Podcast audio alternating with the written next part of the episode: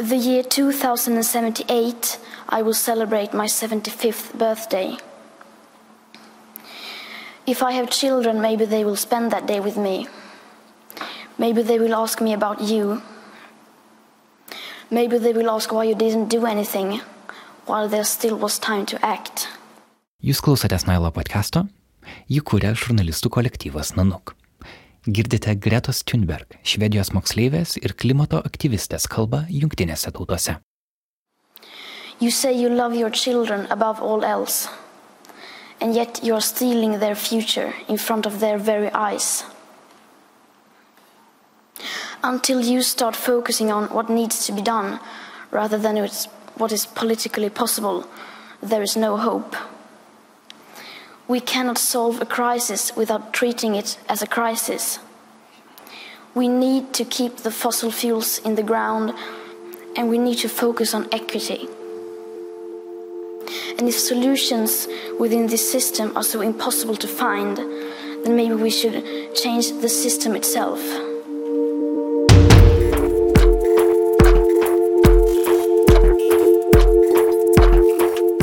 Aš esu Karolis Višniauskas, šiandien kalbėsime apie klimato krizę, kaip išsaugoti optimizmą, matant, kaip pasaulis nyksta. Lietuva yra vienintelė ES šalis neturinti automobilių mokesčio. Reiškia, mm. kad pas mus vieninteliai vartotojai renkasi visiškai negalvodami apie taršą. Kiekvienas turi mažą atrodo indėlį, bet kai tas mažas indėlis susideda su daug, daug mažų indėlių, jis tampa labai labai didelis. Dalį žmonių taip, tas rizikos suvokimas, kai tu suvoki, kad yra reali rizika, tu tada nori apsaugoti savo namus ir save. Tai dalį žmonių tas veikia, o dalį žmonių tas sukelia depresiją, kad viskas ir taip blogai, ir dar čia ta klimato kaita ant galvos užgriuvo. Čia visų mūsų yra šitas žaidimas dėja, tai nėra tų stovyklų tu ir aš, jie ir mes, seniai jauni, gražus, negražus, turtingi, neturtingi. Mes visi apie tą patį esam. Pradžioje epizodo norime padėkoti klausytojams, kurie išlaiko mūsų podcastą per Patreon. Ši savaitė vėl buvo labai rezultatyvi. Prisijungė Kintarė Bukauskas, Justina Jaruševičiūtė, Jeva Mekšrūnaitė, Justė Vinder, beje, Justė yra pirmoji mūsų klausytoja Havajuose, linkėjimai į ten.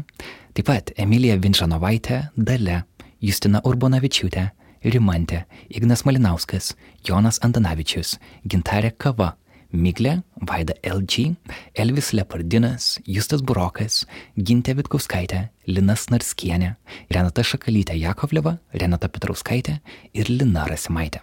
O savo skiriamą sumą šią savaitę padidino Lydija. Ačiū Jums, nuostabu, kaip klausytojų bendruomenė auga. Jeigu ir Jūs norite būti jos dalim, prisijunkite, adresas yra patreon.com slash nanuk multimedia, kaip vienas žodis. Šį pokalbį apie klimatą taip pat palaiko elektroninė parduotuvė Nula. Nemaišyti su Naila. Nula.shop galima įsigyti alternatyvų plastikui, nuo bambukinių dantų šepetelių iki, pavyzdžiui, rankų darbo medžiaginių maišelių. Per metus pasaulyje pagaminama apie 500 milijonų tonų plastiko, kurio beveik pusė yra vienkartinis, dažnai jis nėra perdirbamas, tad šis plastikas tiesiog nusėda savartinuose ir vandeninuose Nula parduotuvė siūlo priemonės, kurios padės sumažinti jūsų suvartojamo vienkartinio plastiko kiekį. Ir taip pat grįžo mūsų pirmieji partneriai - naujienlaiškių kūrimo platforma MailerLite. Ačiū jiems, mes patys naudojame jų servisą savo naujienlaiškių kurti - nanuk.lt/subscribe, ten galite jį užsiprenumeruoti.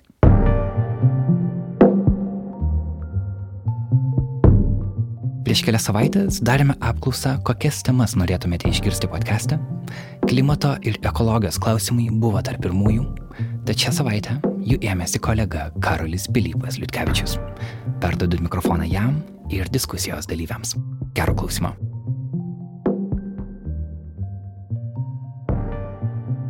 Vos prieš mėnesį sumušėme rekordą. CO2 mūsų atmosferoje šiais metais daugiau nei bet kada per 3 milijonus metų. Miškų kirtimo rekordus taip pat nuosekliai mušame. Nuo 1990 iki 2016 metų esame iškirtę virš milijono ir 300 tūkstančių kvadratinių kilometrų ir sustoti regis nežadame. Ir apskritai, mūsų planeta šyla jau 34 metus, kiekvieni metai vis šiltesni už praeitus. Tačiau net ir tokių faktų apsuptyje, klimato krizės klausimas dažnai išlieka dramblių politinių diskusijų kambariuose. Problema, kurią visi žino, bet apie kurią ir kurios sprendimus ne visi drįsta kalbėti konkrečiai. Komercijoje šios krizės dabartiškumas ir skubumas paverčiamas reklaminiais raktažodžiais, kaip bio, organiška, žalia ir kitais. Ir viso to sukūryje aš neretai pasijuntu bejėgis. Su kiekvienu pagalba šauksmu iš mokslininkų, kiekvienu viešu laišku lyderiams, kiekvienu žymaus brando pažadu nenaudoti plastikinių šiaudelių ir kiekvienu medžiu, kurį kartu su savo tėčiu sudinu kaime, aš negaliu negalvoti apie didįjį paveikslą. Apie tuos mano įvardintus faktus, kurie, ką bedarytum, atrodo žada tik vieną išeitį Taigi šiandien pasikalbėti apie tai, kaip neprarasti vilties, kaip komunikuoti prasmingą informaciją ir kaip galimai suvaldyti klimato krizę, studijoje pasikalbėsime su keturiais žmonėmis, kuriuos noriu pakviesti prisistatyti ir papasakoti apie savo ryšį su šia tema. Tai sveiki, esu Justinas Kilpys, Vilniaus universiteto doktorantas. Nors šiuo metu mano moksliniai tyrimai yra apie meteorologinių palidovų panaudojimą sniego dangaus tyrimam, Bet prieš tai šešis metus dirbau Lietuvos hidrometeorologijos tarnyboje, klimatologijos skyriui ir, sakykime taip, mano visas profesinis gyvenimas yra susijęs su skaičiais, kurie pasakoja istorijas apie orus ir klimatą. Tai dažniausiai aš pats dirbu su įvairia informacija apie meteorologiją, hidrologiją, bet visi tie skaičiai pasakoja vieną istoriją, kad klimatas Žemėje keičiasi ir tie pokyčiai jie vis greitėja. Sveiki, aš esu Licija Vaicinavičiūtė, Vilniaus licėjaus moksleivė. Mano kelionė su klimato kaita prasidėjo Fridays for Future renginiuose Vilniuje, kurių įkurie buvo Greta Thunberg iš Švedijos. Tai yra nemaža moksleivių ir studentų, tiek lietuvių, tiek užsieniečių bendruomenė, kurioje mes rengiame renginius, ypač penktadieniais, einame ir su plakatais protestuojame Vinco Kudirkos aikštėje, taip pat rengiame globalinius e, streikus, kurie vyksta visame pasaulyje ir kviečiame visus moksleivius, suaugusius, vaikus ir senus žmonės ateiti ir būti kartu dėl klimato. Gerą dieną, e, aš esu Gintarė Krušnienė. Su klimato kaita esu jau taip aktyviai gal dešimt metų. E, prasidėjo viskas e, nuo to, kad per krizės įsibėgėjimą išvažiavau studijuoti magistro susijusio su aplinkosauga, tame tarpe ir klimato kaita labai stipriai, o šiaip pagal pagrindinį slavinimą esu ekonomista. Tai kai grįžau po studijų, tai teko padirbėti ir nevyriausybinėje organizacijoje klimato kaitos e, politikos tema ir pradėti auginti porą vaikų, kas taip pat susiję, man rodo, su klimato kaitos tema, nes kalbame apie jų ateitį. Ir taip pat pastaruosius metus teko dirbti aplinkos ministerijoje, ministro patarėjai būtent klimato kaitai. Tai, tai teko pereiti nuo grėsmės komunikacijos iki sprendimų paieškų. Ir, ir tas matymas iš įvairių e, nevadinčiau barikadų pusių, bet tiesiog iš įvairių e, pasaulio pusių, nes čia visi turbūt esame vienos nuomonės, na tai vad suteikia įdomaus požiūrio ir bus labai įdomu pasidalinti. Sveiki, aš esu Gabrielė Šabūnaitė, aš dabar jau dešimt metų beveik negyvenu Lietuvoje, bet per tą savo kelionę po įvairias Europos ir pasaulio šalis mane šitą temą labai lydėjo ir aš atėjau iki tokio taško savo gyvenime, kad e, Didžioji Britanijoje studijavau magistrą, kuris vadinasi lider, darnios plėtros lyderystė ar darnaus vystimo lyderystė lietuviškas terminas turėtų būti. Ir po to aš persikėliau gyventi į Oslą ir dirbu nevyriausybinėje organizacijoje fonde. Tiksliau galėčiau apibūdinti ir jeigu išvertus į iš anglų kalbos, jis vadinasi Tarptautinis Šiaurės paramos fondas, e, kuriame mes dirbame būtent su vėlgi darnios plėtros projektais karo ir konfliktų stekenamose šalise - Somalijoje, Mianmare, Malyje ir dabar jau vienas ateinančių yra Sirija. Tai labai džiaugiuosi, kad yra toks platus spektras patirčių. E, ir pradėti tai norėčiau nuo, nuo, nuo vieno man asmeniškai labai svarbaus klausimo.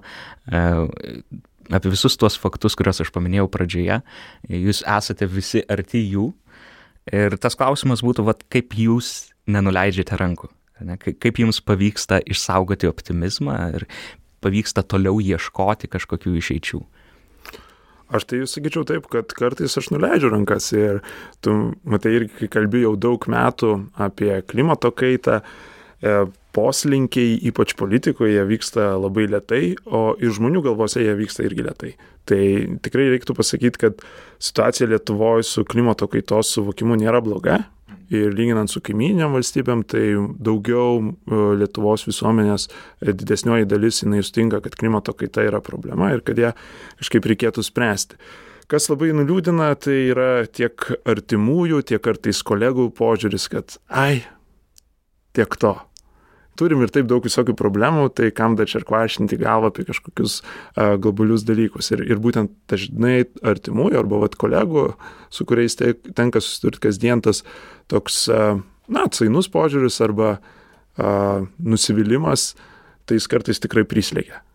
Aš kažkaip tikiu žodžio gale ir idėjos tuo nešimu, nes gal aš galiu labiau šnekėti apie jaunus žmonės ir tikrai visi žino, kad vyksta klimato kaita, bet e, niekas nesima kažkokių veiksmų ir nesupranta, kad ir jie turi, na, nemažą galę keisti dalykus vien savo buvimu, vien skleidimu, kad e, iš tikrųjų mes turėtume suskupti ir sunerimti. Ir e, mane kažkaip labai palėtė praeitą savaitę, kai The Guardian parašė, kad viskas, nebesutinkama naudoti žodžius klimato kaita, viskas, klimato krizė. Priėmė tą tašką, kai jau yra klimato krizė. Ir aš nemanau, kad dabar būtų labai liūdna nuleisti rankas, nes dabar yra laikas, kai mes aktyviausiai turėtume veikti iš visų jėgų, skleisti žodį. Taip pat ir Greta Thunberg, jinai mergaitė 15-16 metų, kuri galėjo sakyti, pala, aš vaikas, aš nieko negaliu pakeisti, nes visi lyderiai elgės kaip vaikai, o vaikai turi elgtis kaip lyderiai, cituoju ją ir jinai nenuleido rankų. Tai manau, kai mes prieiname tam tikrą tašką, kai suprantame, kad viskas kelio atgal nebėra ir viskas priklauso tik nuo mūsų veiksmų, tik nuo mūsų žodžių ir skleidžiamos žinios, manau, kad e, tada, kol, nepas, kol pamatysime, kad viskas, nebebus kelio atgal, mes nieko nebegalėsime keisti, tada nuleisim rankas. O dabar, jeigu yra viltis, aš tikiuosi, kad kiekvienas, kuris klauso ar kuris domis ir mato tuos žmonės, kuriem tai labai labai svarbu, tiesiog drąsiai nebijotų ir jungtųsi. Ir kiekvienas turi mažą, atrodo, indėlį, bet kai tas mažas indėlis susideda su daug, daug mažų indėlių, jis tampa labai labai didelis. Aš gal norėčiau replikuoti iš karto, kai, kadangi jau seku tas klimato naujienas jau pakankamai senai, tai to optimizmo būdavo ir anksčiau. Ir, ir aš gal žiūriu šiek tiek realistiškai arba pesimistiškai. Ir buvo 2009 Kopenhagos e, susitikimas ir visi turėjo labai daug vilčių, kad va, Kopenhagoje 2009 tikrai sustarsim pasaulinis sustarimas. Ir buvo daug to entuzijazmo ir aš, e, žinau, Lietuvos nevyriausybinės organizacijas, jeigu tiksliai, Klaipėdoj veikiantis ekologinis klubas žvejonė, irgi jaunimas organizavosi, važiavo autobusiuku ir, ir ten palaikė ir tikėjo, kad va, jau dabar 2009, jau dabar tai priimsim. Ir viskas sužlugo. To Kopenhagoje iš esmės e, nieko nesusitarė, tas visas susitikimas jisai subirėjo tiesiog. Tada buvo e, Paryžiaus klimato. Irgi atrodo toks jau pakilimas 2015. Bet jau galų galę susitarė. Susitarė, taip, ir atrodo tokia optimizmo. Ir tada išrenka Donaldą Trumpą, jisai traukėsi, Amerika traukėsi, tada e, pasižiūri, Brazilija išrenka vėl naują prezidentą, jisai irgi sako, aš, aš nenoriu, greičiausiai ne, nebedalyvausiu Paryžiui. Ir tu matai vėl tokį, tokį žemynėjimą. Dabar atsirado Greta Thunberg ir e, judėjimas Fridays for Future. Ir vėl, tas pakelimas yra labai teigiamas ir aš tikrai labai palaikau šitą judėjimą, bet ta ankstesnė patirtis sako, kad, na, nežinau kaip ten, ar tikrai jau mes prieėm tą tašką, kai visuomenė kažkaip pabunda ir, ir, vis, ir imamės aktyvių veiksmų. E, nes tarkim, irgi tos žinutės iš Didžiosios Britanijos, kad Didžioji Britanija skelbia ekstremalią padėtį dėl klimato kaitos. Bet realybėje, ką reiškia ta žodis, ta prasme, kad e, kas yra ekstremali situacija. Tai irgi toks iš dalies yra, kad, na, dabar patenkinam e, visuomenės poreikius, nes Didžioji Britanija, aišku, buvo dar labai Extinction Rebellion, kita, kitas judėjimas jau toks agresyvesnis. Jie, buvo, jie blokavo kelius Londone ir kitur. Ir tada, kad, na, toks yra savotiškai, kad nuraminti tautą, tu sakai, ha, nu mes kelbėme ekstremalią situaciją, bet realybėje, ką tie žodžiai reiškia, nu nėra, kol kas neaišku, kas, kas tai bus, kas, kas mhm. per tą ekstremalią situaciją, kas, kas nuo to pasikeis. Gintarė, tu e, daugiau turi kažkokios politinės patirties, iš politinės pusės, ar ne? Ar, ar ten nėra tamsiau? Aš nežinau, tavrasme, aš apskritai, man, man sunku atsakyti tą klausimą, optimizmas, pesimizmas, labai labai daug minčių kyla. Nu, viena mintis tokia, kad, nu, jeigu rimtai, bet kuris racionalus žmogus nusprendžia pasidomėti klimato kaita, ar ne, pasidomėti scenarijais, išvadomis, visa kita, e, tai ten, nu, ta prasme, ten nėra vietos optimizmui, pesimizmui, tu matai, kad yra labai rimta problema, reikalaujanti labai daug sprendimų visuose sektoriuose, absoliučiai, nuo transporto iki žemės ūkio, iki pastatų, iki to, kaip tušinukai gaminami, kaip sasviniai, bet kas, ne tik energetika, ar net ten yra, tu supranti, kad, nu, tai yra iššūkis, kurį būtina spręsti, tu supranti, kad lygiai taip pat kaip e, ta problema ne, neužaugo per dieną, jos ir neišspręsi per dieną, ta prasme reikalinga vis, e, didžiulė visuomenės transformacija ir jinai iš tikrųjų vyksta, lygiai taip pat kaip klimato kaita, lietai vyksta ir mes net nematom aiškiai, kaip bėga Martin kažkokio skardžio ar ne, apie kurį kalba mokslininkai, lygiai taip pat vyksta tam tikrose politiniuose procesuose irgi toks traukinys, jisai yra užvedinėjamas, e, tik tai tai nėra taip aiškiai matoma ir kai kurie aptakių sprendimų kažkokie, kad ir va, tas pats Justino minėtas Paryžiaus sustarimas, ar ne, vienok galima juoktis, kad politikai susitarė tartis ir nusistatė labai konkretų reglamentą, kaip jie tarėsi ir galima sakyti, tai kas iš to, visi ir toliau važinėjom taršiais automobiliais, viskas vyksta, emisijos ir toliau auga, iš kitos pusės susitarti dviem šimtam šalių kaip tartis, savaime yra žiauriai didelis proveržis, kuris, nu, paprastam žmogui nėra apčiuopiamas, bet realiai jisai turi pėdsakų dešimtmečiam į priekį ir tai yra pagrindas, ant kurio galima toliau statyti. Nesiginčiu, kad tempas yra geras, tikrai e, šiai dienai fizikinė realybė lenkia politinį progresą, bet, bet iš principo labai sunku iš tikrųjų įvertinti objektyviai, e, kur mes esame ir ką tai, ką tai lemia. Aš nemanau, kad kada nors bus taip, kad visiems Rūpės. Labai rūpės klimato kaita ir, ir teko dalyvauti ten ir mokymuose, komunikacijos ir visa kita. Visada yra apie 10 procentų visuomenės, kurie yra idealistai, kurie yra pasiruošę padaryti tai, kas nepatogu, ne vien tik dėl savęs, ne vien tik tai, kad apsimoka, o iš idėjos, iš principo ir, ir, ir panašiai. Niekada 90 procentų to nedaro. Tai, e, tai aš va, toj vietoj galima čia pasimistę ar, realistę kokią, aš mm. nemanau, kad niekada visuomenė nepateks į tokį buvį, nebent kai yra vat, karo atvejs ar kažkas kažkas. Bet e, jeigu žiūrėti taip labai paprastai, net ir didžiausio idealistai, stengdamiesi viską rušiuoti, atliekų nepagaminti, mėsos nevalgyti, e, tai, tai, tai, tai, tai, tai maksimaliai kas įmanoma, vis tiek paliekate CO2 pėtsaką ir labai didelį, nes jūs esate sistemos įkaitai. Tai aš, nu, vat, per tą savo kelionę savo esu padariusi tokį gal atpalaiduojančią išvadą, aš netiek tikiu individualiu E, prisidėjimu, aš jį darau ten, kur man išeina, ten, kur tai netima laiko iš mano vaikų, ta prasme, aš važiuoju automobiliu, kad greičiau grįžčiau pas savo vaikus ir panašiai, e, bet, e, bet aš manau, kad reikia labai nuosekliai dirbti dėl sisteminių pokyčių ir tik jie išgelbės. Tai toj vietoj aš jau imu vis skeptiškiau žiūrėti į tą jaunatvišką fanatizmą ir, ir vis labiau manyti, kad ko reikia mūsų visuomeniai, tai labai aiškiai indikuoti palaikymą politikam aštriem pokyčiam, nes politikai to nedaro ne, ne dėl to, kad nenori, o dėl to, kad jie jaučia, kad jie praras savo karjerą, nes nėra palaikymo. O Gabrielė, kaip, kaip Norvegijoje, ar ne, kaip Osle, ką tu ten gyvendama pastebėjai ir kaip tau, e, kaip, kaip tau pavyksta tų rankų nenuleisti? Va, klausimas ir buvo, kaip man nenuleisti rankų pavyksta, ar ne? Ir aš kaip tik beklausydama čia visų šitų nuomonių galvoju, kaip įdomu, nes man pavyksta asmeniškai nenuleisti rankų, nes mano sistema man visada rodo, kaip man jų nenuleisti.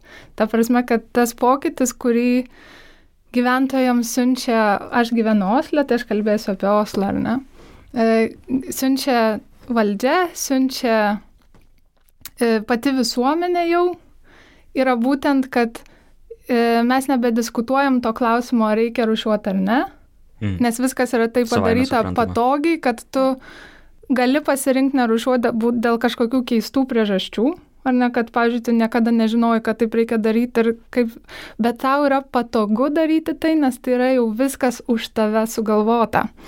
Ir e, visi tie žali judėjimai, Galiu va paminėti, mes čia vis kalbam apie Gretą ir čia viskas ir prasidėjo iš tikrųjų dėl to, kad aš pamačiau Licijos uh, Facebook'e postą, kad Lietuvoje sto, jie čia stovi su penkiais žmonėm ir dar man Licija rašo, bet žinai, čia tie trys iš jų yra nelietuviai ir tada aš galvoju. Iš tikrųjų beveik visi ten kad, yra nelietuviai. Vyksta, iniciatyvi grupė, taip. Kur Osle atvaž... atėjo vien Osle 10 tūkstančių žmonių, mm. o visoje Norvegijoje 40.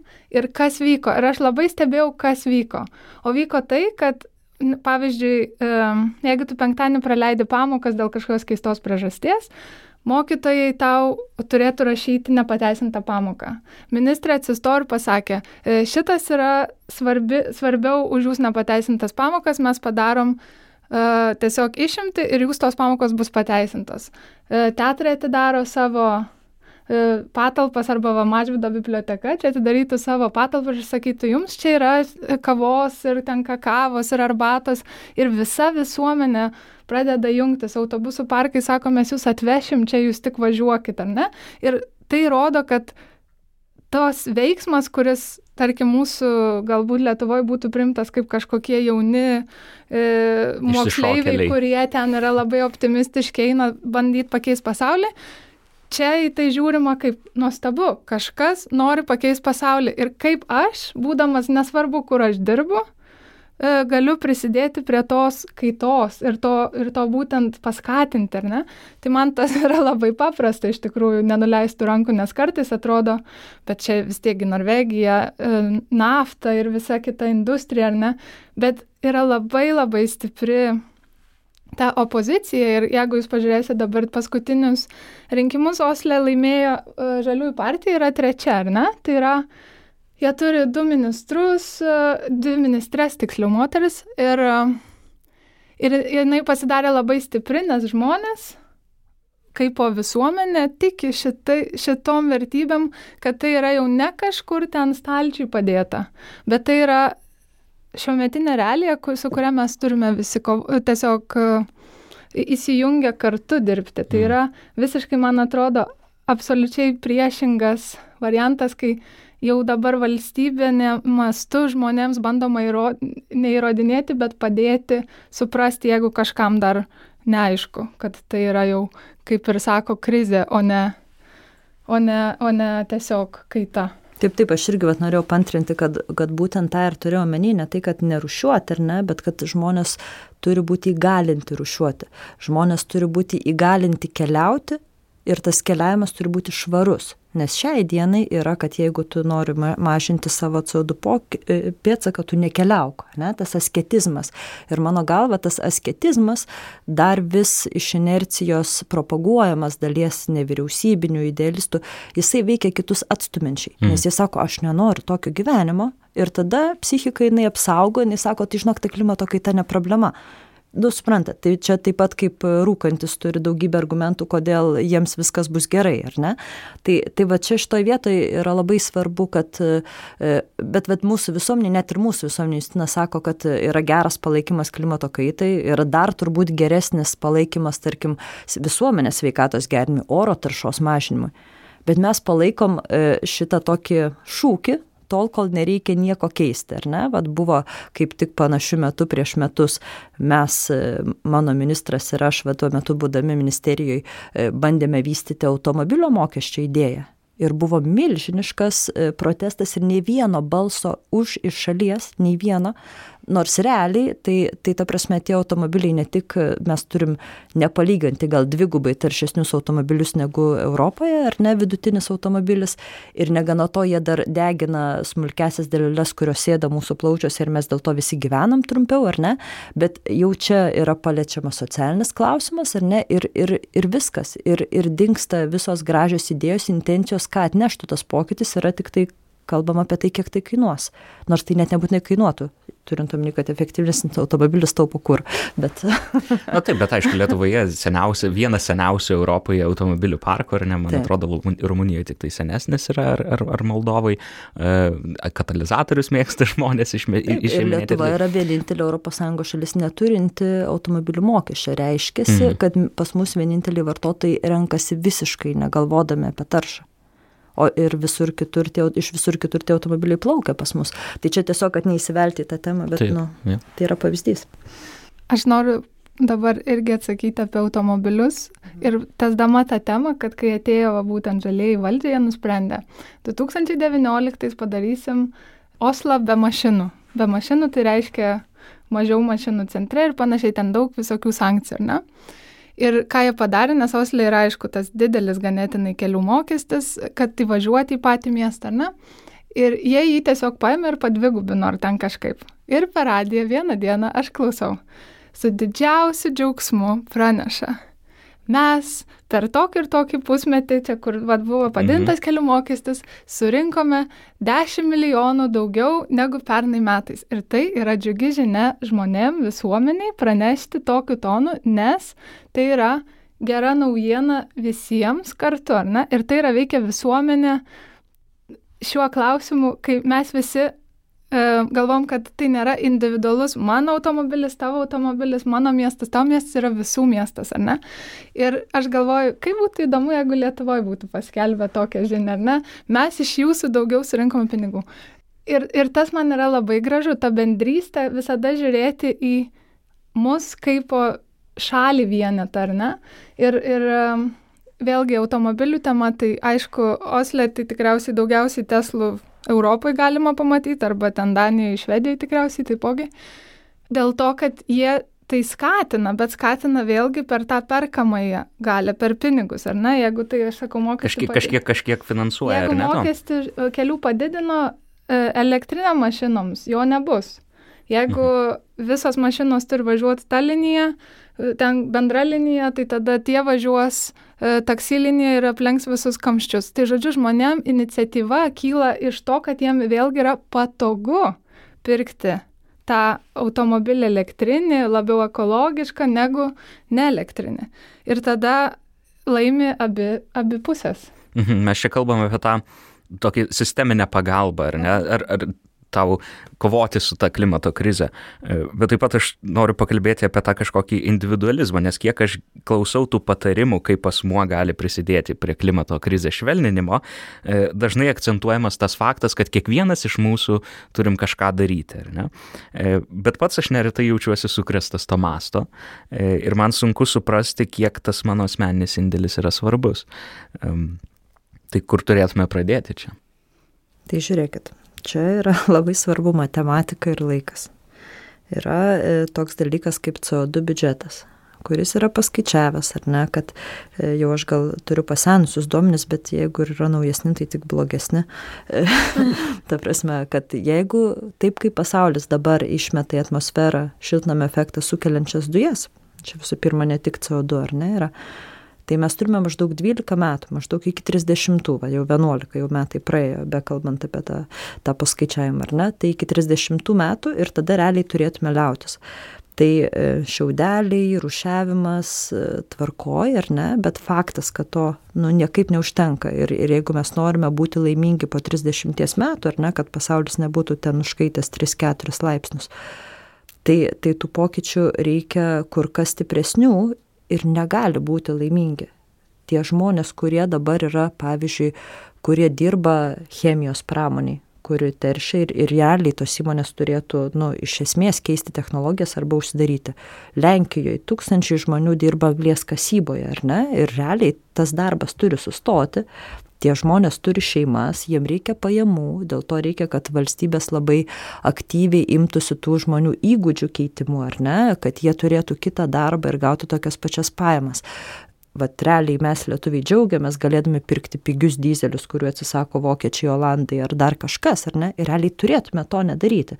Turėtume susi, susikompromisinti ir, ir, ir susitalpinti į mažesnį, naujesnį automobilį, kuris, kuris teršia mažiau. Ir daugeliui nemažai daliai lietuvių tai nesocijuojasi su laime, Bet... niekaip gyvai. Ar ne? Tai, tai čia vat, labai svarbu, tarsi, galima stengtis e, tą, tą žinią kažkaip taip iškomunikuoti pozityviai, bet tai arba nusisuki nuo realybės, arba, nu, tarsi, dėl to ir sudėtingas iššūkis, nes jeigu būtų lengvi sprendimai, jau būtų tikrai tie tūkstančiai žmonių jos radę, bet vis nerandam, vis ieškam ir ieškam. Tai mano galva, tai ką gali tikrai kiekvienas padaryti, jeigu rūpi klimato kaita ar ne, tai per kiekvienus rinkimus paklausti savo politiko, ką jis galvoja apie klimato kaitą. Nusipirkti marškinėlius, rankinę ar dar kažką, kuris rodo, užsiklijuoti lipduką galų gale ant kažkur, kad man rūpi klimato kaita. Tai ir užsimti tuo tribalizmu angliškai, ar ne? Tuo, kad, ta prasme, yra palaikymas visuomeniai, gentiškumu, kad, kad tas yra. Tai tas yra labai svarbu. Taip pat labai svarbu, kai vat, abiturientai galvoja, kur stoti ir panašiai, rinkti specialybę, kuri turi kuo mažiau e, CO2 pėtsako. Ta prasme, ne, nebeeiti į tas, e, tuos pramonės šakas dirbti, kurios turės užsidaryti. Klausti savo darbdavių, ką jie planuoja, kaip jie save įsivaizduoja klimato neutralioje ekonomikoje. Nes jeigu darbdavys sakys, kad čia nesąmonė, tai supraskit, kad anksčiau ir vėliau ta realybė jį pasivys, ar ne, ir tai nėra perspektyvi. Tai va čia iš, iš to tokio sisteminės pusės, ar ne, mes turime kreipti savo resursus, net savo dėmesį ir savo žinias į tas veiklas, kurios yra suderinamos su klimatui neutraliu gerbuviu. Tai čia man rodos svarbu. Bet ar tų dešimties procentų, kurie yra idealistai ir jiems rūpi klimato kaita, užteks? O tie 80 procentų daro, 90. ar de, net yra, yra, yra dar 10 procentų, kurie niekada nieko nedaro, ne, net jeigu jau apatiški. O 80 procentų daro, jeigu kiti daro jeigu jie mato, kad mm. kiti daro. Dėl to, kad Norvegijoje yra ir automobilių mokestis, ir paskatos elektromobilių. Ir tau apsimoka būti su elektromobiliu. Tu gali net nežinot, kas ta klimato kaita, bet tau apsimoka, nes tu juos laivį važiuoji, pigiai parkuojasi ir tau labai gerai, ar ne? Yra ten Belgijoje, man atrodo, e, e, šiukšlių mokesčiai, tu į atskirus maišus turi viską mesti, tu nerušiuotas ten moki kelis kart daugiau, o rušiuotas beveik nieko nemoki. Ne taip sudėjai, gauni baudas, kad ne, nemoki rušiuoti ir apskritai apskritai ir tau apsimoka elgtis teisingai. Juk mes ir už avarijas automobiliuose baudžiam, ar ne, tam, kad žmonės nedarytų avarijų. O čia norim, kad visi tik iš gero noro mm. elgtųsi taip, kaip reikia. Tai va čia yra tas netitikimas, ne? apie ką Greta kalba, ar ne, kad tarsi yra krizė, bet viskas paliekama savanorystiai tokiai. Tai va čia yra turbūt netitikimas. Aš sutinku. ne, tikrai, aš sutinku su tą nuomonę, kad kai už tave pasirenka valstybė yra labai patogu. Paprasčiau. Paprasčiau tam 80 procentų ateiti, bet aš tuo pačiu labai čia matau tokią, arba pavojų galėčiau sakyti netgi, matydama, kad jeigu žmonių samoningumas neteina iš vidaus irgi, kad tai yra apie mane irgi, mhm. tuomet aš tada pradedu pykti ant tų ar ne nesuprantamų naujų taisyklių ir tada prasideda kažkoks čia labai jau man nepatogus uh, gyvenimas dėl to, kad man kažkas lyg tai primeta. Kažkas klibina. Ne? Ir klibina mano kėdę, ant kurios aš sėdžiu ir aš nesuprantu, kodėl jinai čia dreba dabar, ne? Bet jeigu tai ateina iš mano samoningumo, dėl to man tas jūsų visų besiklausant, iš karto pirmas dalykas šaunantis į galvą yra švietimas, švietimas, švietimas. Ir nesvarbu, kaip tai skamba banaliai, ar ne? Ir mes čia jau girdėjom tikriausiai milijonus, milijardus kartų, kad švietimas keičia viską, daro, stato labai stiprius pagrindus pasaulyje žiūrį ir panašiai.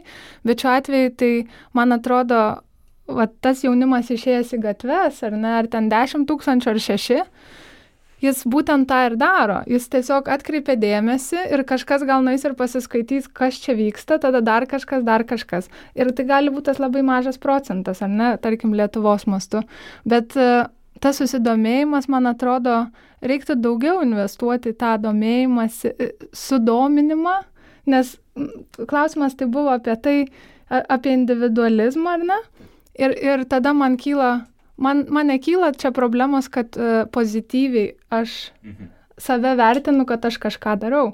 Bet jeigu aš tiesiog šiaudelį uh, dedu į, į savo Instagramą tik tam, kad mane ten 20 tūkstančių mano sėkėjų pamatytų, ar ne, tai man čia atrodo vėl klausimas visiems, ar, ne, ar čia yra gerai ar blogai, nes kažkam tai kils klausimas, kad gal aš tą darysiu vien dėl to, kad aš tą darau, ar ne, kaip pavyzdys, bet tuo pačiu kažkam tai ir, ir galbūt užkabins paklausti giliau, kas čia vyksta, kodėl čia tie šiaudeliai blogai ar taip toliau. Ir e, natūraliai, man atrodo, žmogui aš mačiau pati savo akim, kaip maža mergaitė pamačiau žuvėdrą, kuri guli ant, e, ant šitam paplūdimyje, jinai, išsig... jinai pradeda verkti. Ne, o, mamas, o, o ant to žuvėdros maišelis užsiviniojęs ant kaklo, ar ne? Ir tada ta mergaitė automatiškai klausimus, kas čia yra ir sako, va, čia mes šiukšlinam. Ir tada jinai pasižiūri į tą mamą ir sako, negalima šiukšlinti mamą. Žmonės negali šiukšlinti. Ta prasme, kad mumise tai yra, ar ne? Kaip po, mes turim saugot gamtą, tausot vieni kitus.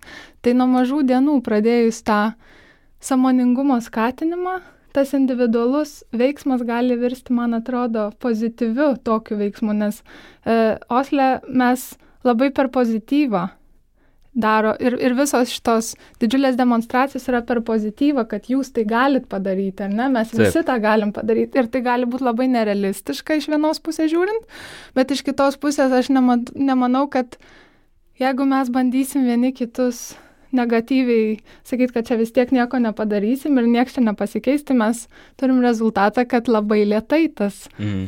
tas pokytis ateina. Ačiū čia palėti į tokią temą, kita mūsų tema, kuri man įdomi, yra kaip kalbėti apie tą klimato krizę, ne? nes e, na, aš nesu sutikęs ne vieno žmogaus, kuris sakytų, nu šūdas ta gamta, davai parodykim jai kažką, ar ne?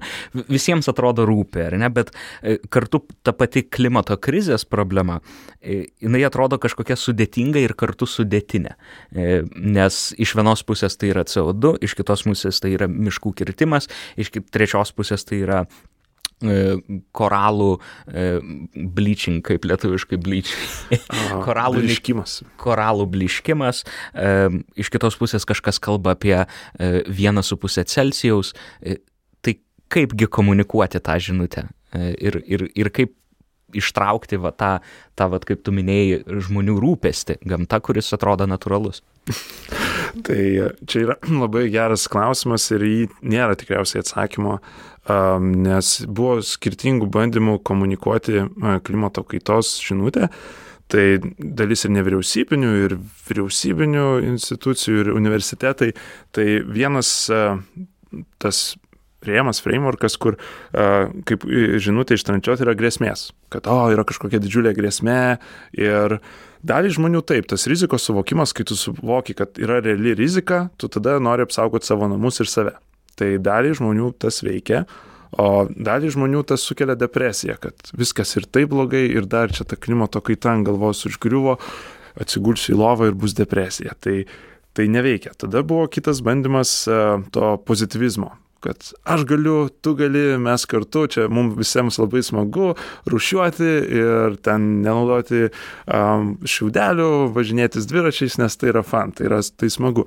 Bet vėl, nu, tas reikia žinoti savo auditoriją. Tai yra nepasiekia kai kurių ar vyresnių žmonių, arba turinčių kažkokį na, kitokį visai požiūrį, uh, ta prasme, ir pasaulyje žiūra kitokia, kitokį politinį nusistatymą ir tas irgi tas pozityvimas.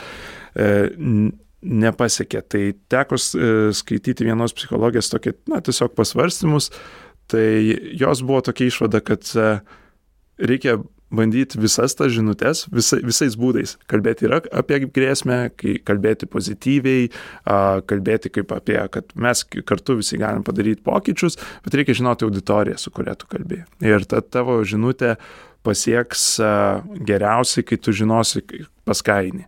Ir čia panašu, kad nėra vienos žinutės, kad na, turėtume kalbėti apie klimato kaitą ir uh, klimato kaitos na, tą kažkokią ekstremalią situaciją tik vienu būdu. Tai tiesiog reikia žinoti, kas yra ta auditorija.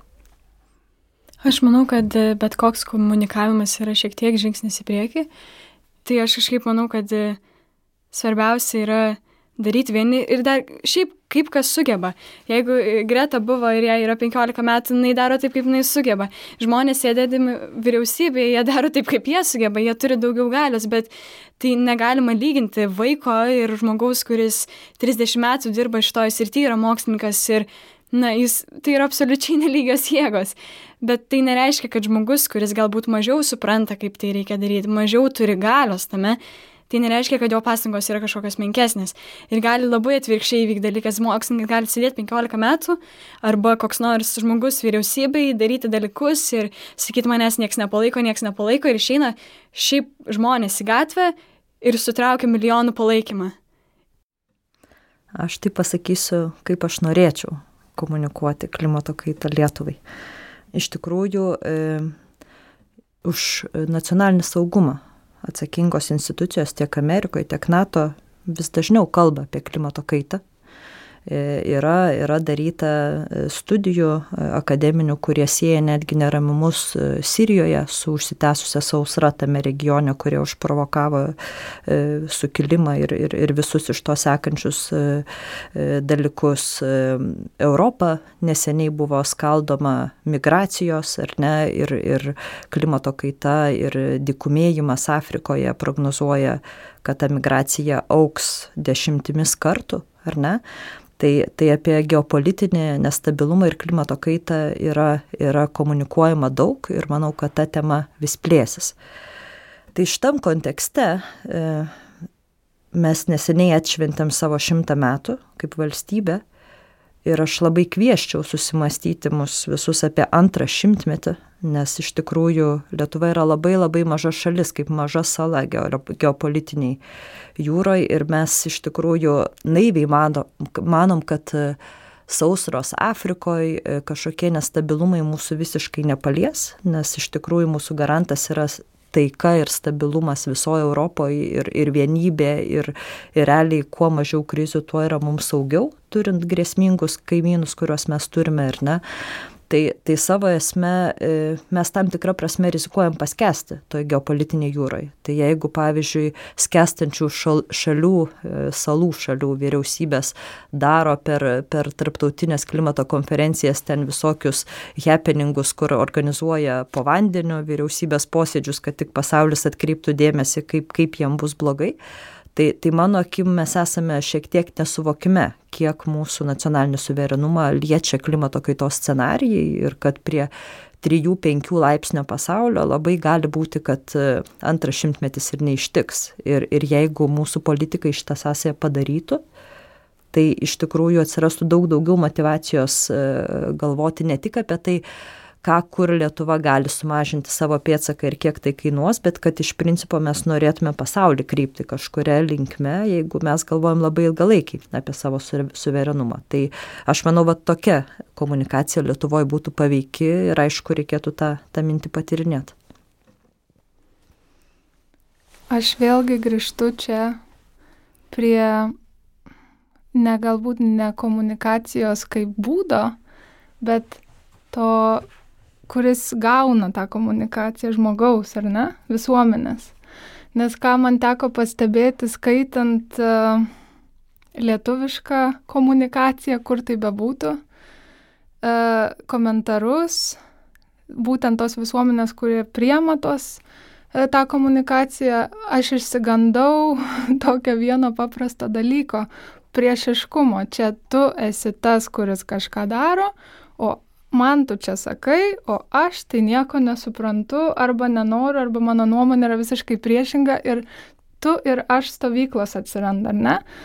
E, ir tai ganėtinai mane sukrėtė dėl to, kad aš galvoju, tai palaukim, mes čia visi apie tą patį. Ir jeigu žmonės, jeigu žmonės bando atkreipti dėmesį, o E, aš nežinau, kokio amžiaus žmonės komentuoja, kad tas jaunimas, tai ten patys jie šiukšlina, palieka Coca-Cola buteliukus fontane.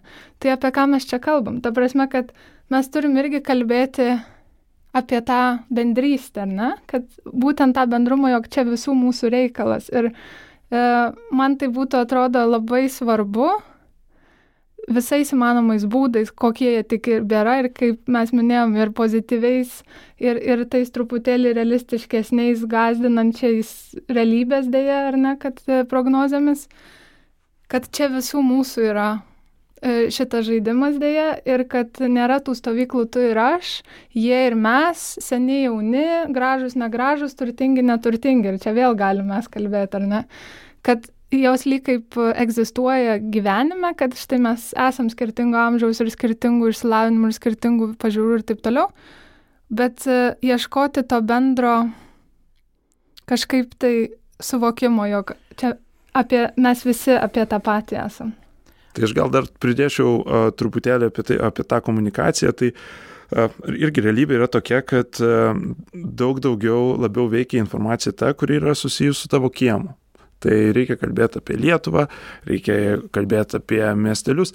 Taip, lyginant globaliu mastu, tas mūsų Lietuvoje stebimi klimato pokyčiai ir jie nesukelia tokios didelės grėsmės. Ta prasme, tikrai mes gyvenam Dievo užantį ir taip, klimatas keičiasi, bet, bet prie viso to mes galim lengvai prisitaikyti, nekeisdami labai smarkiai savo gyvenimo būdo daugeliu atveju. Bet, bet vis tiek, jeigu tu nori, kad visuomenė išgirstų, kad jiems būtų svarbu, tu turi kalbėti apie, apie Lietuvę, apie savo kiemą, apie gatvę, kurią užtvindė, apie derlių, kurį sausra bet palauk, sugadino. Žinai, tu, tu vėl labai žinai lokalizuoji klimato kaitą į, į fizikinius pokyčius, ar ne? Bet, Toks bet, mano darbas. Jo, jo, jo, jo, Bet klimato kaita yra kur kas plačiau, mes per siaurai žiūrim, ta prasme, įvyko gaisras Rusijoje ten prieš keletą metų, tu gal geriau prisimeni kada. 2012. Va, tonų tonas javų sudegino. Visam pasauliu pabrango javai ir duonos gaminiai ir visa kita. Įvyksta kažkur kokia dar ten sausra, žiūrėk, būna čia tai, tai kiaušinių krizė, tai sviesto krizė, visa kita. Ir tai yra globalios rinkos. Ir ta prasme, mes turime galvoti apie viso žemės pajėgumą gaminti maistą, ar ne? Ir, ir kad mes visi po to gauname ir tos kainų šuolius, ir tai, ką kalbėjau aš apie geopolitiką, ar ne? Yra, vat, aš buvau neseniai renginį, kur labai ramiai mane žiūrėjo ten ekosistemų specialistai ir man aiškino, kad va čia Lietuvoje, čia tie vabždžiai truputį pamigruos, ten nieko tokio, viskas gerai, ta klimato kaita. Bet tai yra labai siauras vienos ryties požiūris, o mano galva klimato kaita nėra gamtinė problema kaip tokia, gyvybė neišnyks, žmogus neišnyks, tai yra socioekonominė problema labiausiai kentės tos šeimos, kurios yra pažeidžiamos. Nes tos valstybės, kurios gerai gyvena, kur piliečiai yra turtingi, jie ir po audros stogą susitaisys, ir automobilį po medžių sudaužytą kitą nusipirks, bet tos, kuriuoms sunku tą padaryti, jom tai bus gyvenimą keičiantis įvykis. Ir, ir, ir ta prasme mes turime kalbėti apie socialinės problemas, apie ekonominės problemas, o ne tik tai apie tai, ar pas mus lis ar ne. Čia trumpai sustokime, perduoti žinią mūsų rašantiems klausytojams. Visų pirma, gera pranešti, kad šiemet bendradarbiausime su Tomo Mano festivaliu. Dalimi festivalio diskusijų dalinsimės Nailo podcast'e. Šių metų festivalio tema yra Tėvinių Europą.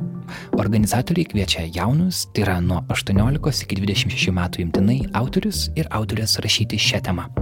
Kaip sako patys organizatoriai, laukiame esė, kurie iš asmeninės perspektyvos apmastytų, ar migracijos ir skaitmeninių tinklų amžiuje žmonėms dar reikia tėvynės.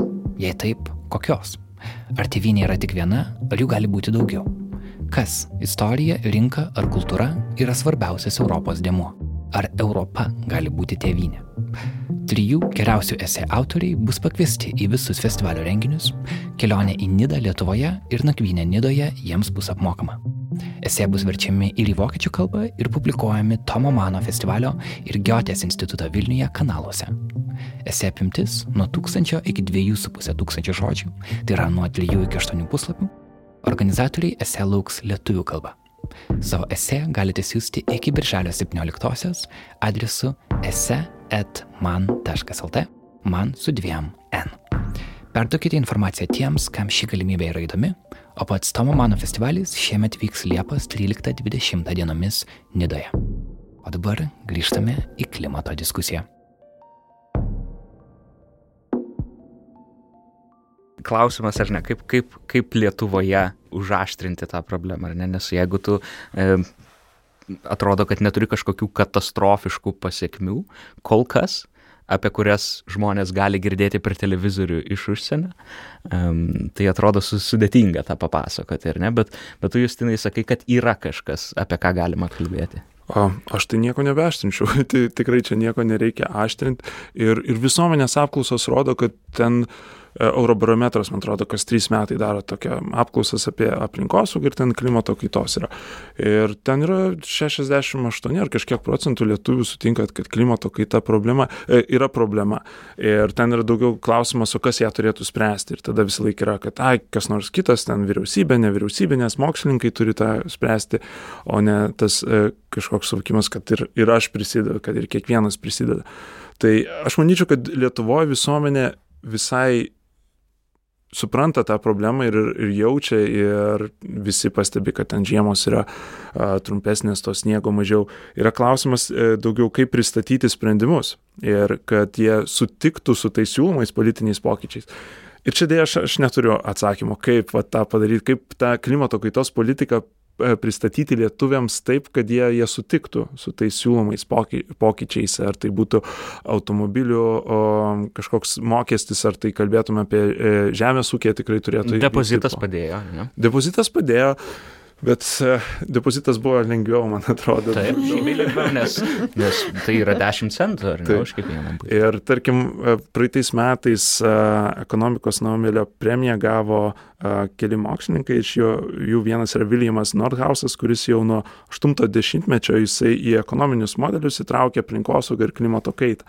Ir, ir jo jau nuo 8, nuo 76-ųjų, man atrodo, ten pirmas jo straipsnis apie tai, kad be negeriausiai tai padėtų spręsti universalus CO2 mokestis, kuris būtų taikomas, na, visose valstybėse. Tai Gal, gal pavyzdys būtų geriausias, kaip yra PVM taikomas visur, tai būtų toks CO2 mokestis ir jeigu jį taikytų visi, tada būtų tiesiog labai aiškus ekonominis signalas gaminti produktus ir vartoti tokius dalykus, kurie turi kuo mažesnį CO2 pėdsaką.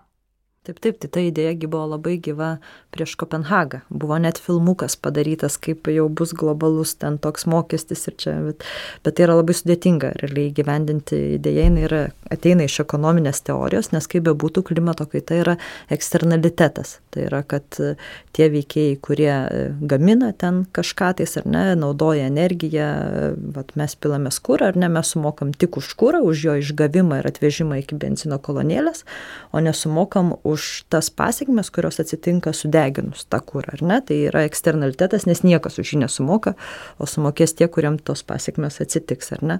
Tai CO2 mokestis e, teoriškai yra auksinis sprendimas, praktiškai e, reikia rasti ir galbūt su skaitmeniniu amžiumi ir visa digitalizacija tai kažkada ateis, kad viską pamatuoti, teisingai išdalinti ir visiems suskaičiuoti, kiek kas turi sumokėti, nes dabar galima tą idėją daugiau negu dešimtmečius kritikuoti, ieškant sprendimų, kaip teisingai tą mokestį suresti, apskaičiuoti, pamatuoti ir, ir padalinti, ar ne. Tai... Aš dar norėčiau klustelti, tikriausiai gintarės, kaip yra su finansavimo aplinkosaugos klausimais, nes aš šiandien e, buvau nuėjus į valstybės pažinimo centrą ir ten yra toks, na, kaip instaliacija, interaktyvi lenta, kurioje taip stumdai svarelius ir ten parašyta, na, kiek, kiek tu sužmėtos tokiais lipdukais, kiek iš valstybės tam tikro, na, biudžeto skiria tam tikrais ten e, į tam tikras rytis ir aplinkosauga buvo pati pati mažiausia ir kaip viskas vyksta su tais finansais, nes, na, kad vyktų kažkokie pokyčiai, tam reikia finansų, tam reikia žmonių, mm. kurie skatintų tą pokytį. Na, tai jeigu mes tik šnekėsim ir nebus finansavimo, tai ir tie jokie CO2 mokesčiai nieks nevyks. Tai. Uh -huh. tai visų pirma, tai viskas, ką aš čia kalbu, ar net yra mano asmeninė nuomonė, nes šiandien neatstovauju vyriausybės ir nors taip gaunasi, kad už tą praeitį tenka atsakyti. Va.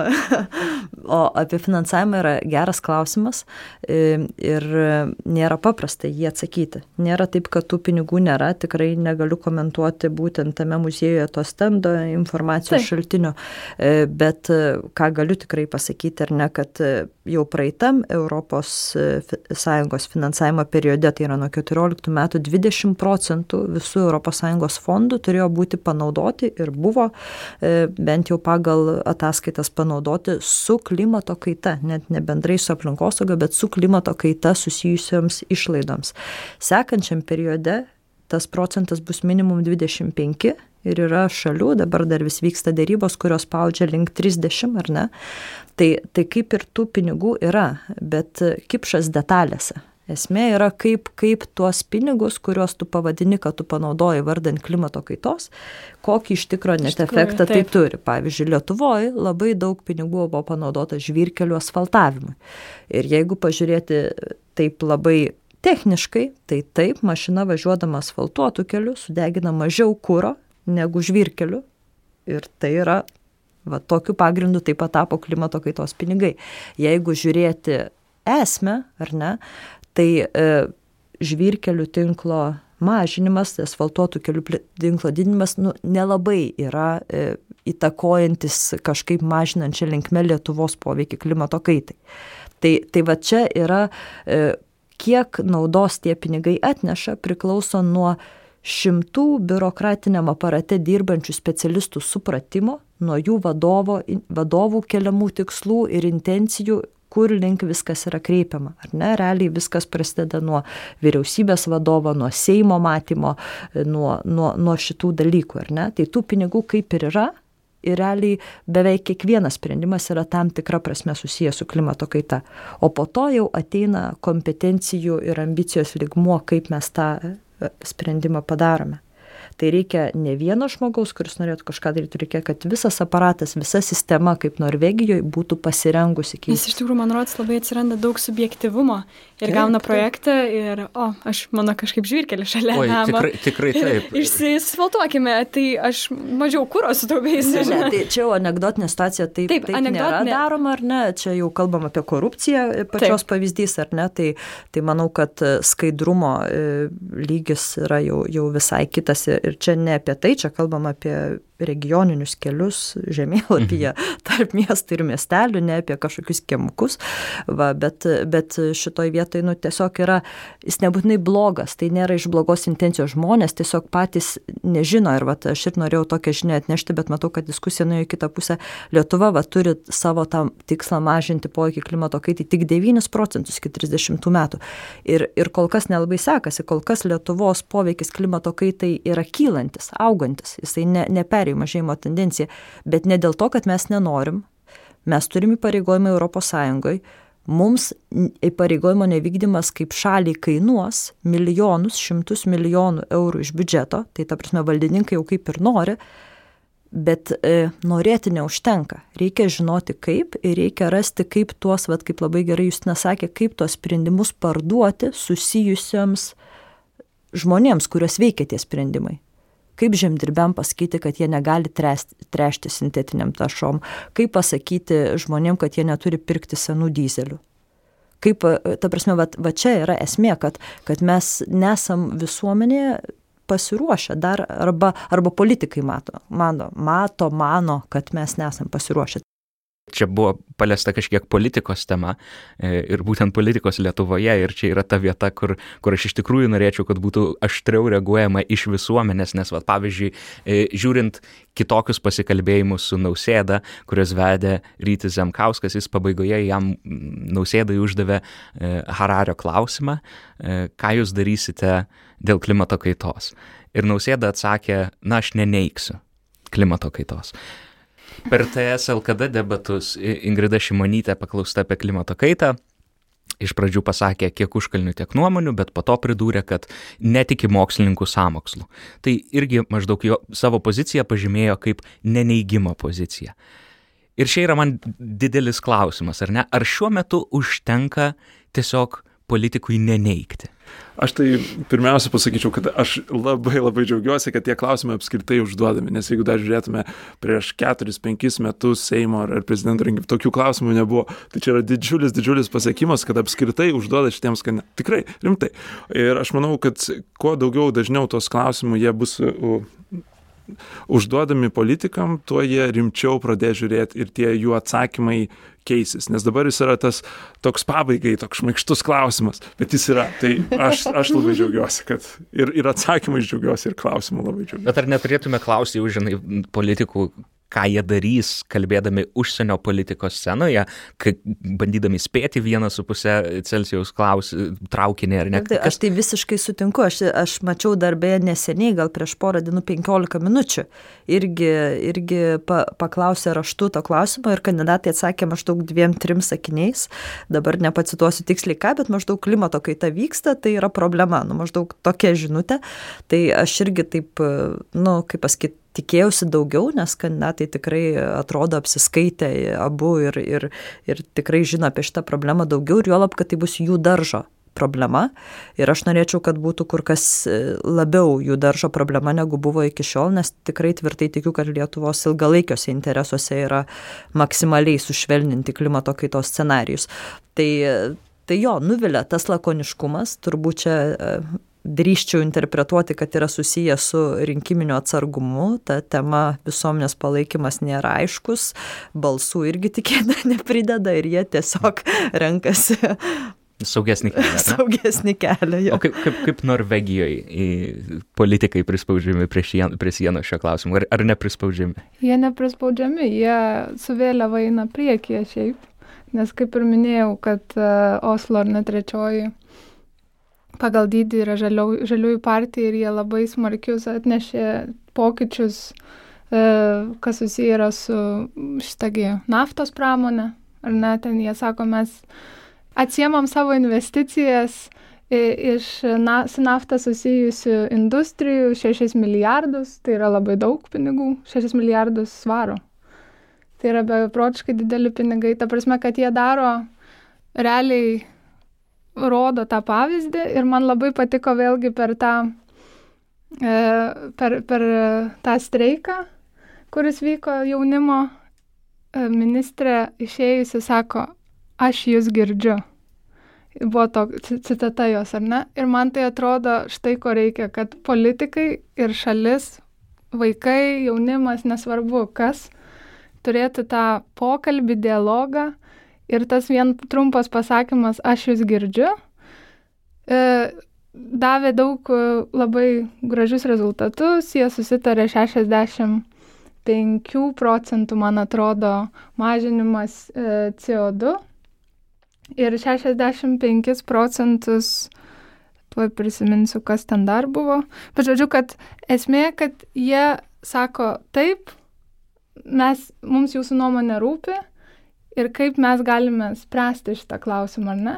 Ir tuo pačiu iš savo pusės, man atrodo, Norvegija, kadangi jie yra labai e, šitoj atgyvenusio jau dabar žiūrint, ar ne, pramonė investuota daug pinigų ir jų visa ekonomika stovi būtent e, naftos gerybėse, kurias jie gavo, jie žiūri dabar jau ne tai, kas yra dabar, kas atrodo mums labai ger, yra gerai pasimokyti iš šito, ne, bet jie žiūri vis, visos tos naftos pramonės jos dabar persiorientoja jau į atsinaujinančius šaltinius ir kas bus po to, kas bus po 20 metų, po 30, po taip toliau. Tai taip pat, aišku, ir politika, jie žiūri, kas bus po to.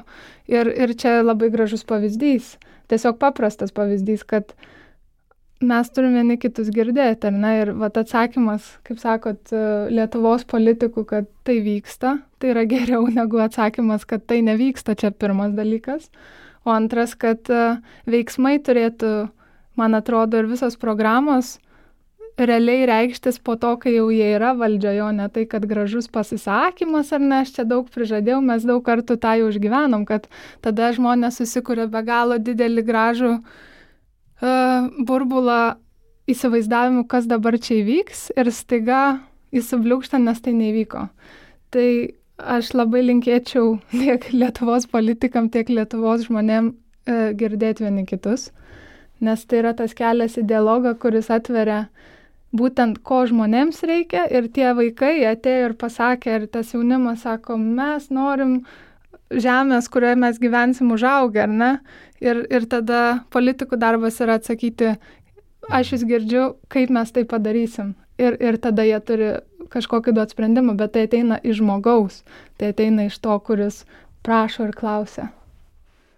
Pajudėkime jau į turbūt paskutinę dalį. ką daryti su tuo dideliu drambliu kambaryje, tai yra kapitalizmo. Man atrodo, kad, kad yra sudėtinga um, klimato krizės klausimų kalbėti e, kapitalistinėje visuomenėje, nes, va, pavyzdžiui, e, yra klimato atsakomybės instituto tyrimas, kuris parodė, kad šimtas kompanijų yra atsakingos už daugiau nei 70 procentų uh, greenhouse emissions. Tai atrodo, kad tavo tas individualumas ir, ir kažkoks rušiavimas neatrodo ne menkas prieš tą šimtą kompanijų. Ne, ir atrodo, kad jų, jas priremti prie sienos yra sudėtingai, nes na, kapitalistinėje visuomenėje, kapitalistinėje ekonomikoje jos yra vedamos ten. Tai ką daryti? Aš labai žiūrėčiau viltingai, su, vil, su viltimi į, į darnų vystimąsi, darnaus vystimosi principus ir ES priimtos e, žiedinės ekonomikos principus, kad kad turim e, galvoti ir kurti savo sistemą, kapitalistinę sistemą, kurioje, na, nebūtų atliekų ir visą tai, ką, ką, ką galiausiai turėtum išmest, galėtum panaudoti, kurdamas kažkokius kitus e, dalykus. Ir čia nereikia sugriauti kapitalizmo, čia reikia sukurti sistemą, kurioje nebėra tikėjimo nuolatinių begalinių augimų ekonomikos, ką kalba ir darnus vystimas, kad, na, nėra to nuolatinio, negali būti nuolatinis Taip. augimas ir jisai turi būti lėtesnis, darnesnis ir panašiai. Tai aš norėčiau matyti tą ateities pasaulį kapitalistinį, bet su žiedinės ekonomikos principais. Ir kaip, kaip laikyti tas kompanijas atskaitingom, ar ne, nes va, 1982 metais Exxon vykdė tyrimus, kurie teisingai apskaičiavo šių metų CO2 rekordą. Jie tą informaciją turėjo 1982 metais ir jie nieko su ją nedarė. Ne? Kaip, kaip ir atrodo, kad, kad nepaveiksi idėjomis, patarimais. Tai kaip?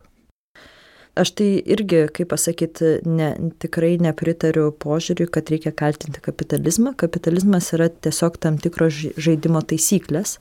E, kodėl mums kliūva kapitalizmas? Dėl to, kad, kaip jau ir minėjom, klimato kaita yra eksternalitetas. Tai yra, kad tiem, kurie vykdo veiklą, pasiekmes visos nesugriūna, jos gainuoja kažkam kitam. Tai jūsų minėtas ExxonMobil irgi jam nieko nekainavo, niekam nieko nesakyti ir apsimokėjo, tai jis tiesiog veikia pagal savo interesą.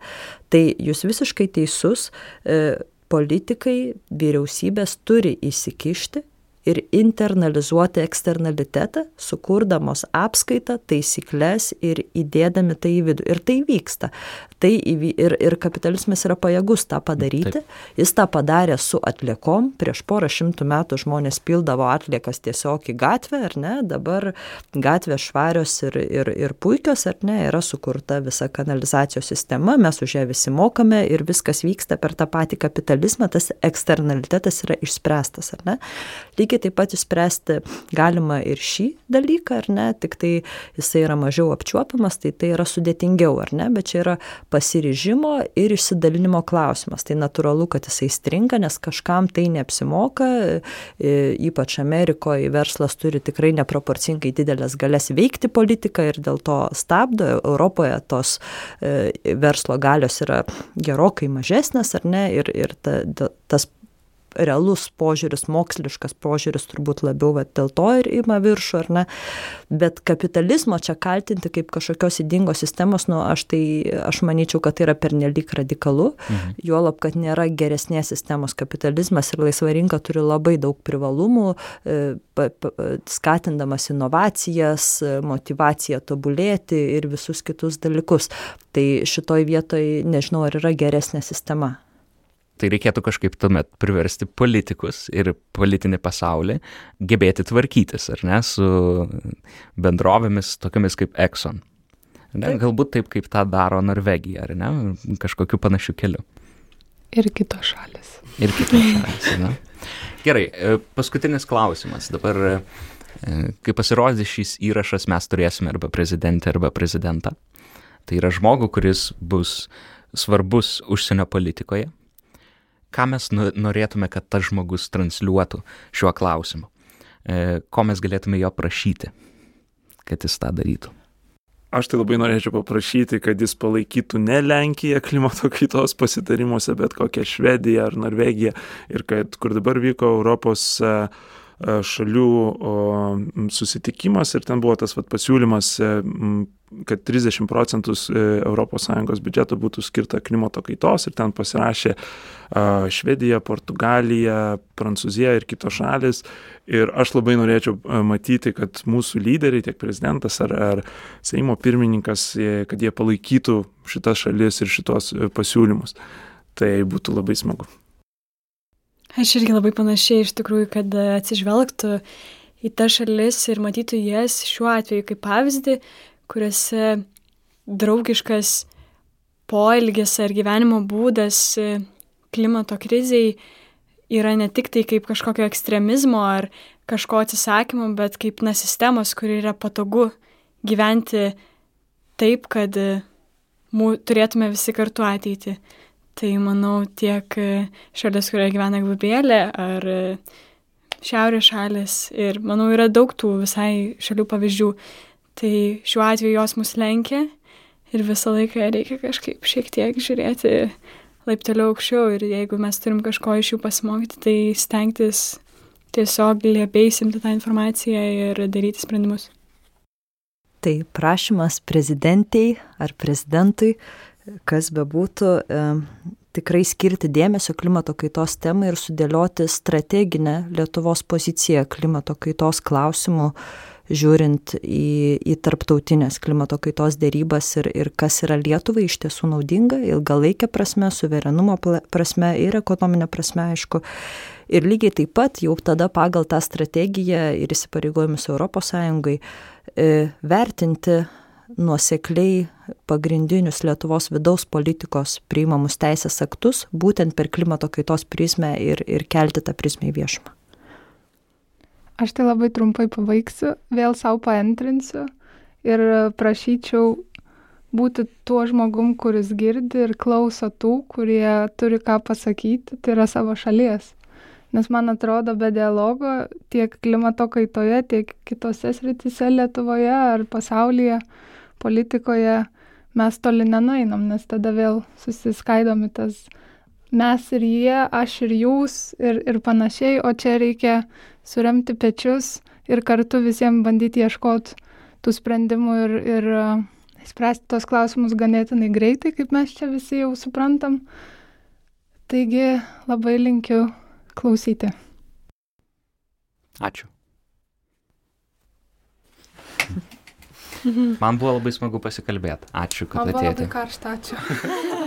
Taip, čia iš tikrųjų. Klimato atšilimas net ir čia. We have not come here to beg world leaders to care. You have ignored us in the past and you will ignore us again. We have run out of excuses and we are running out of time. We have come here to let you know that change is coming, whether you like it or not. The real power belongs to the people. Thank you.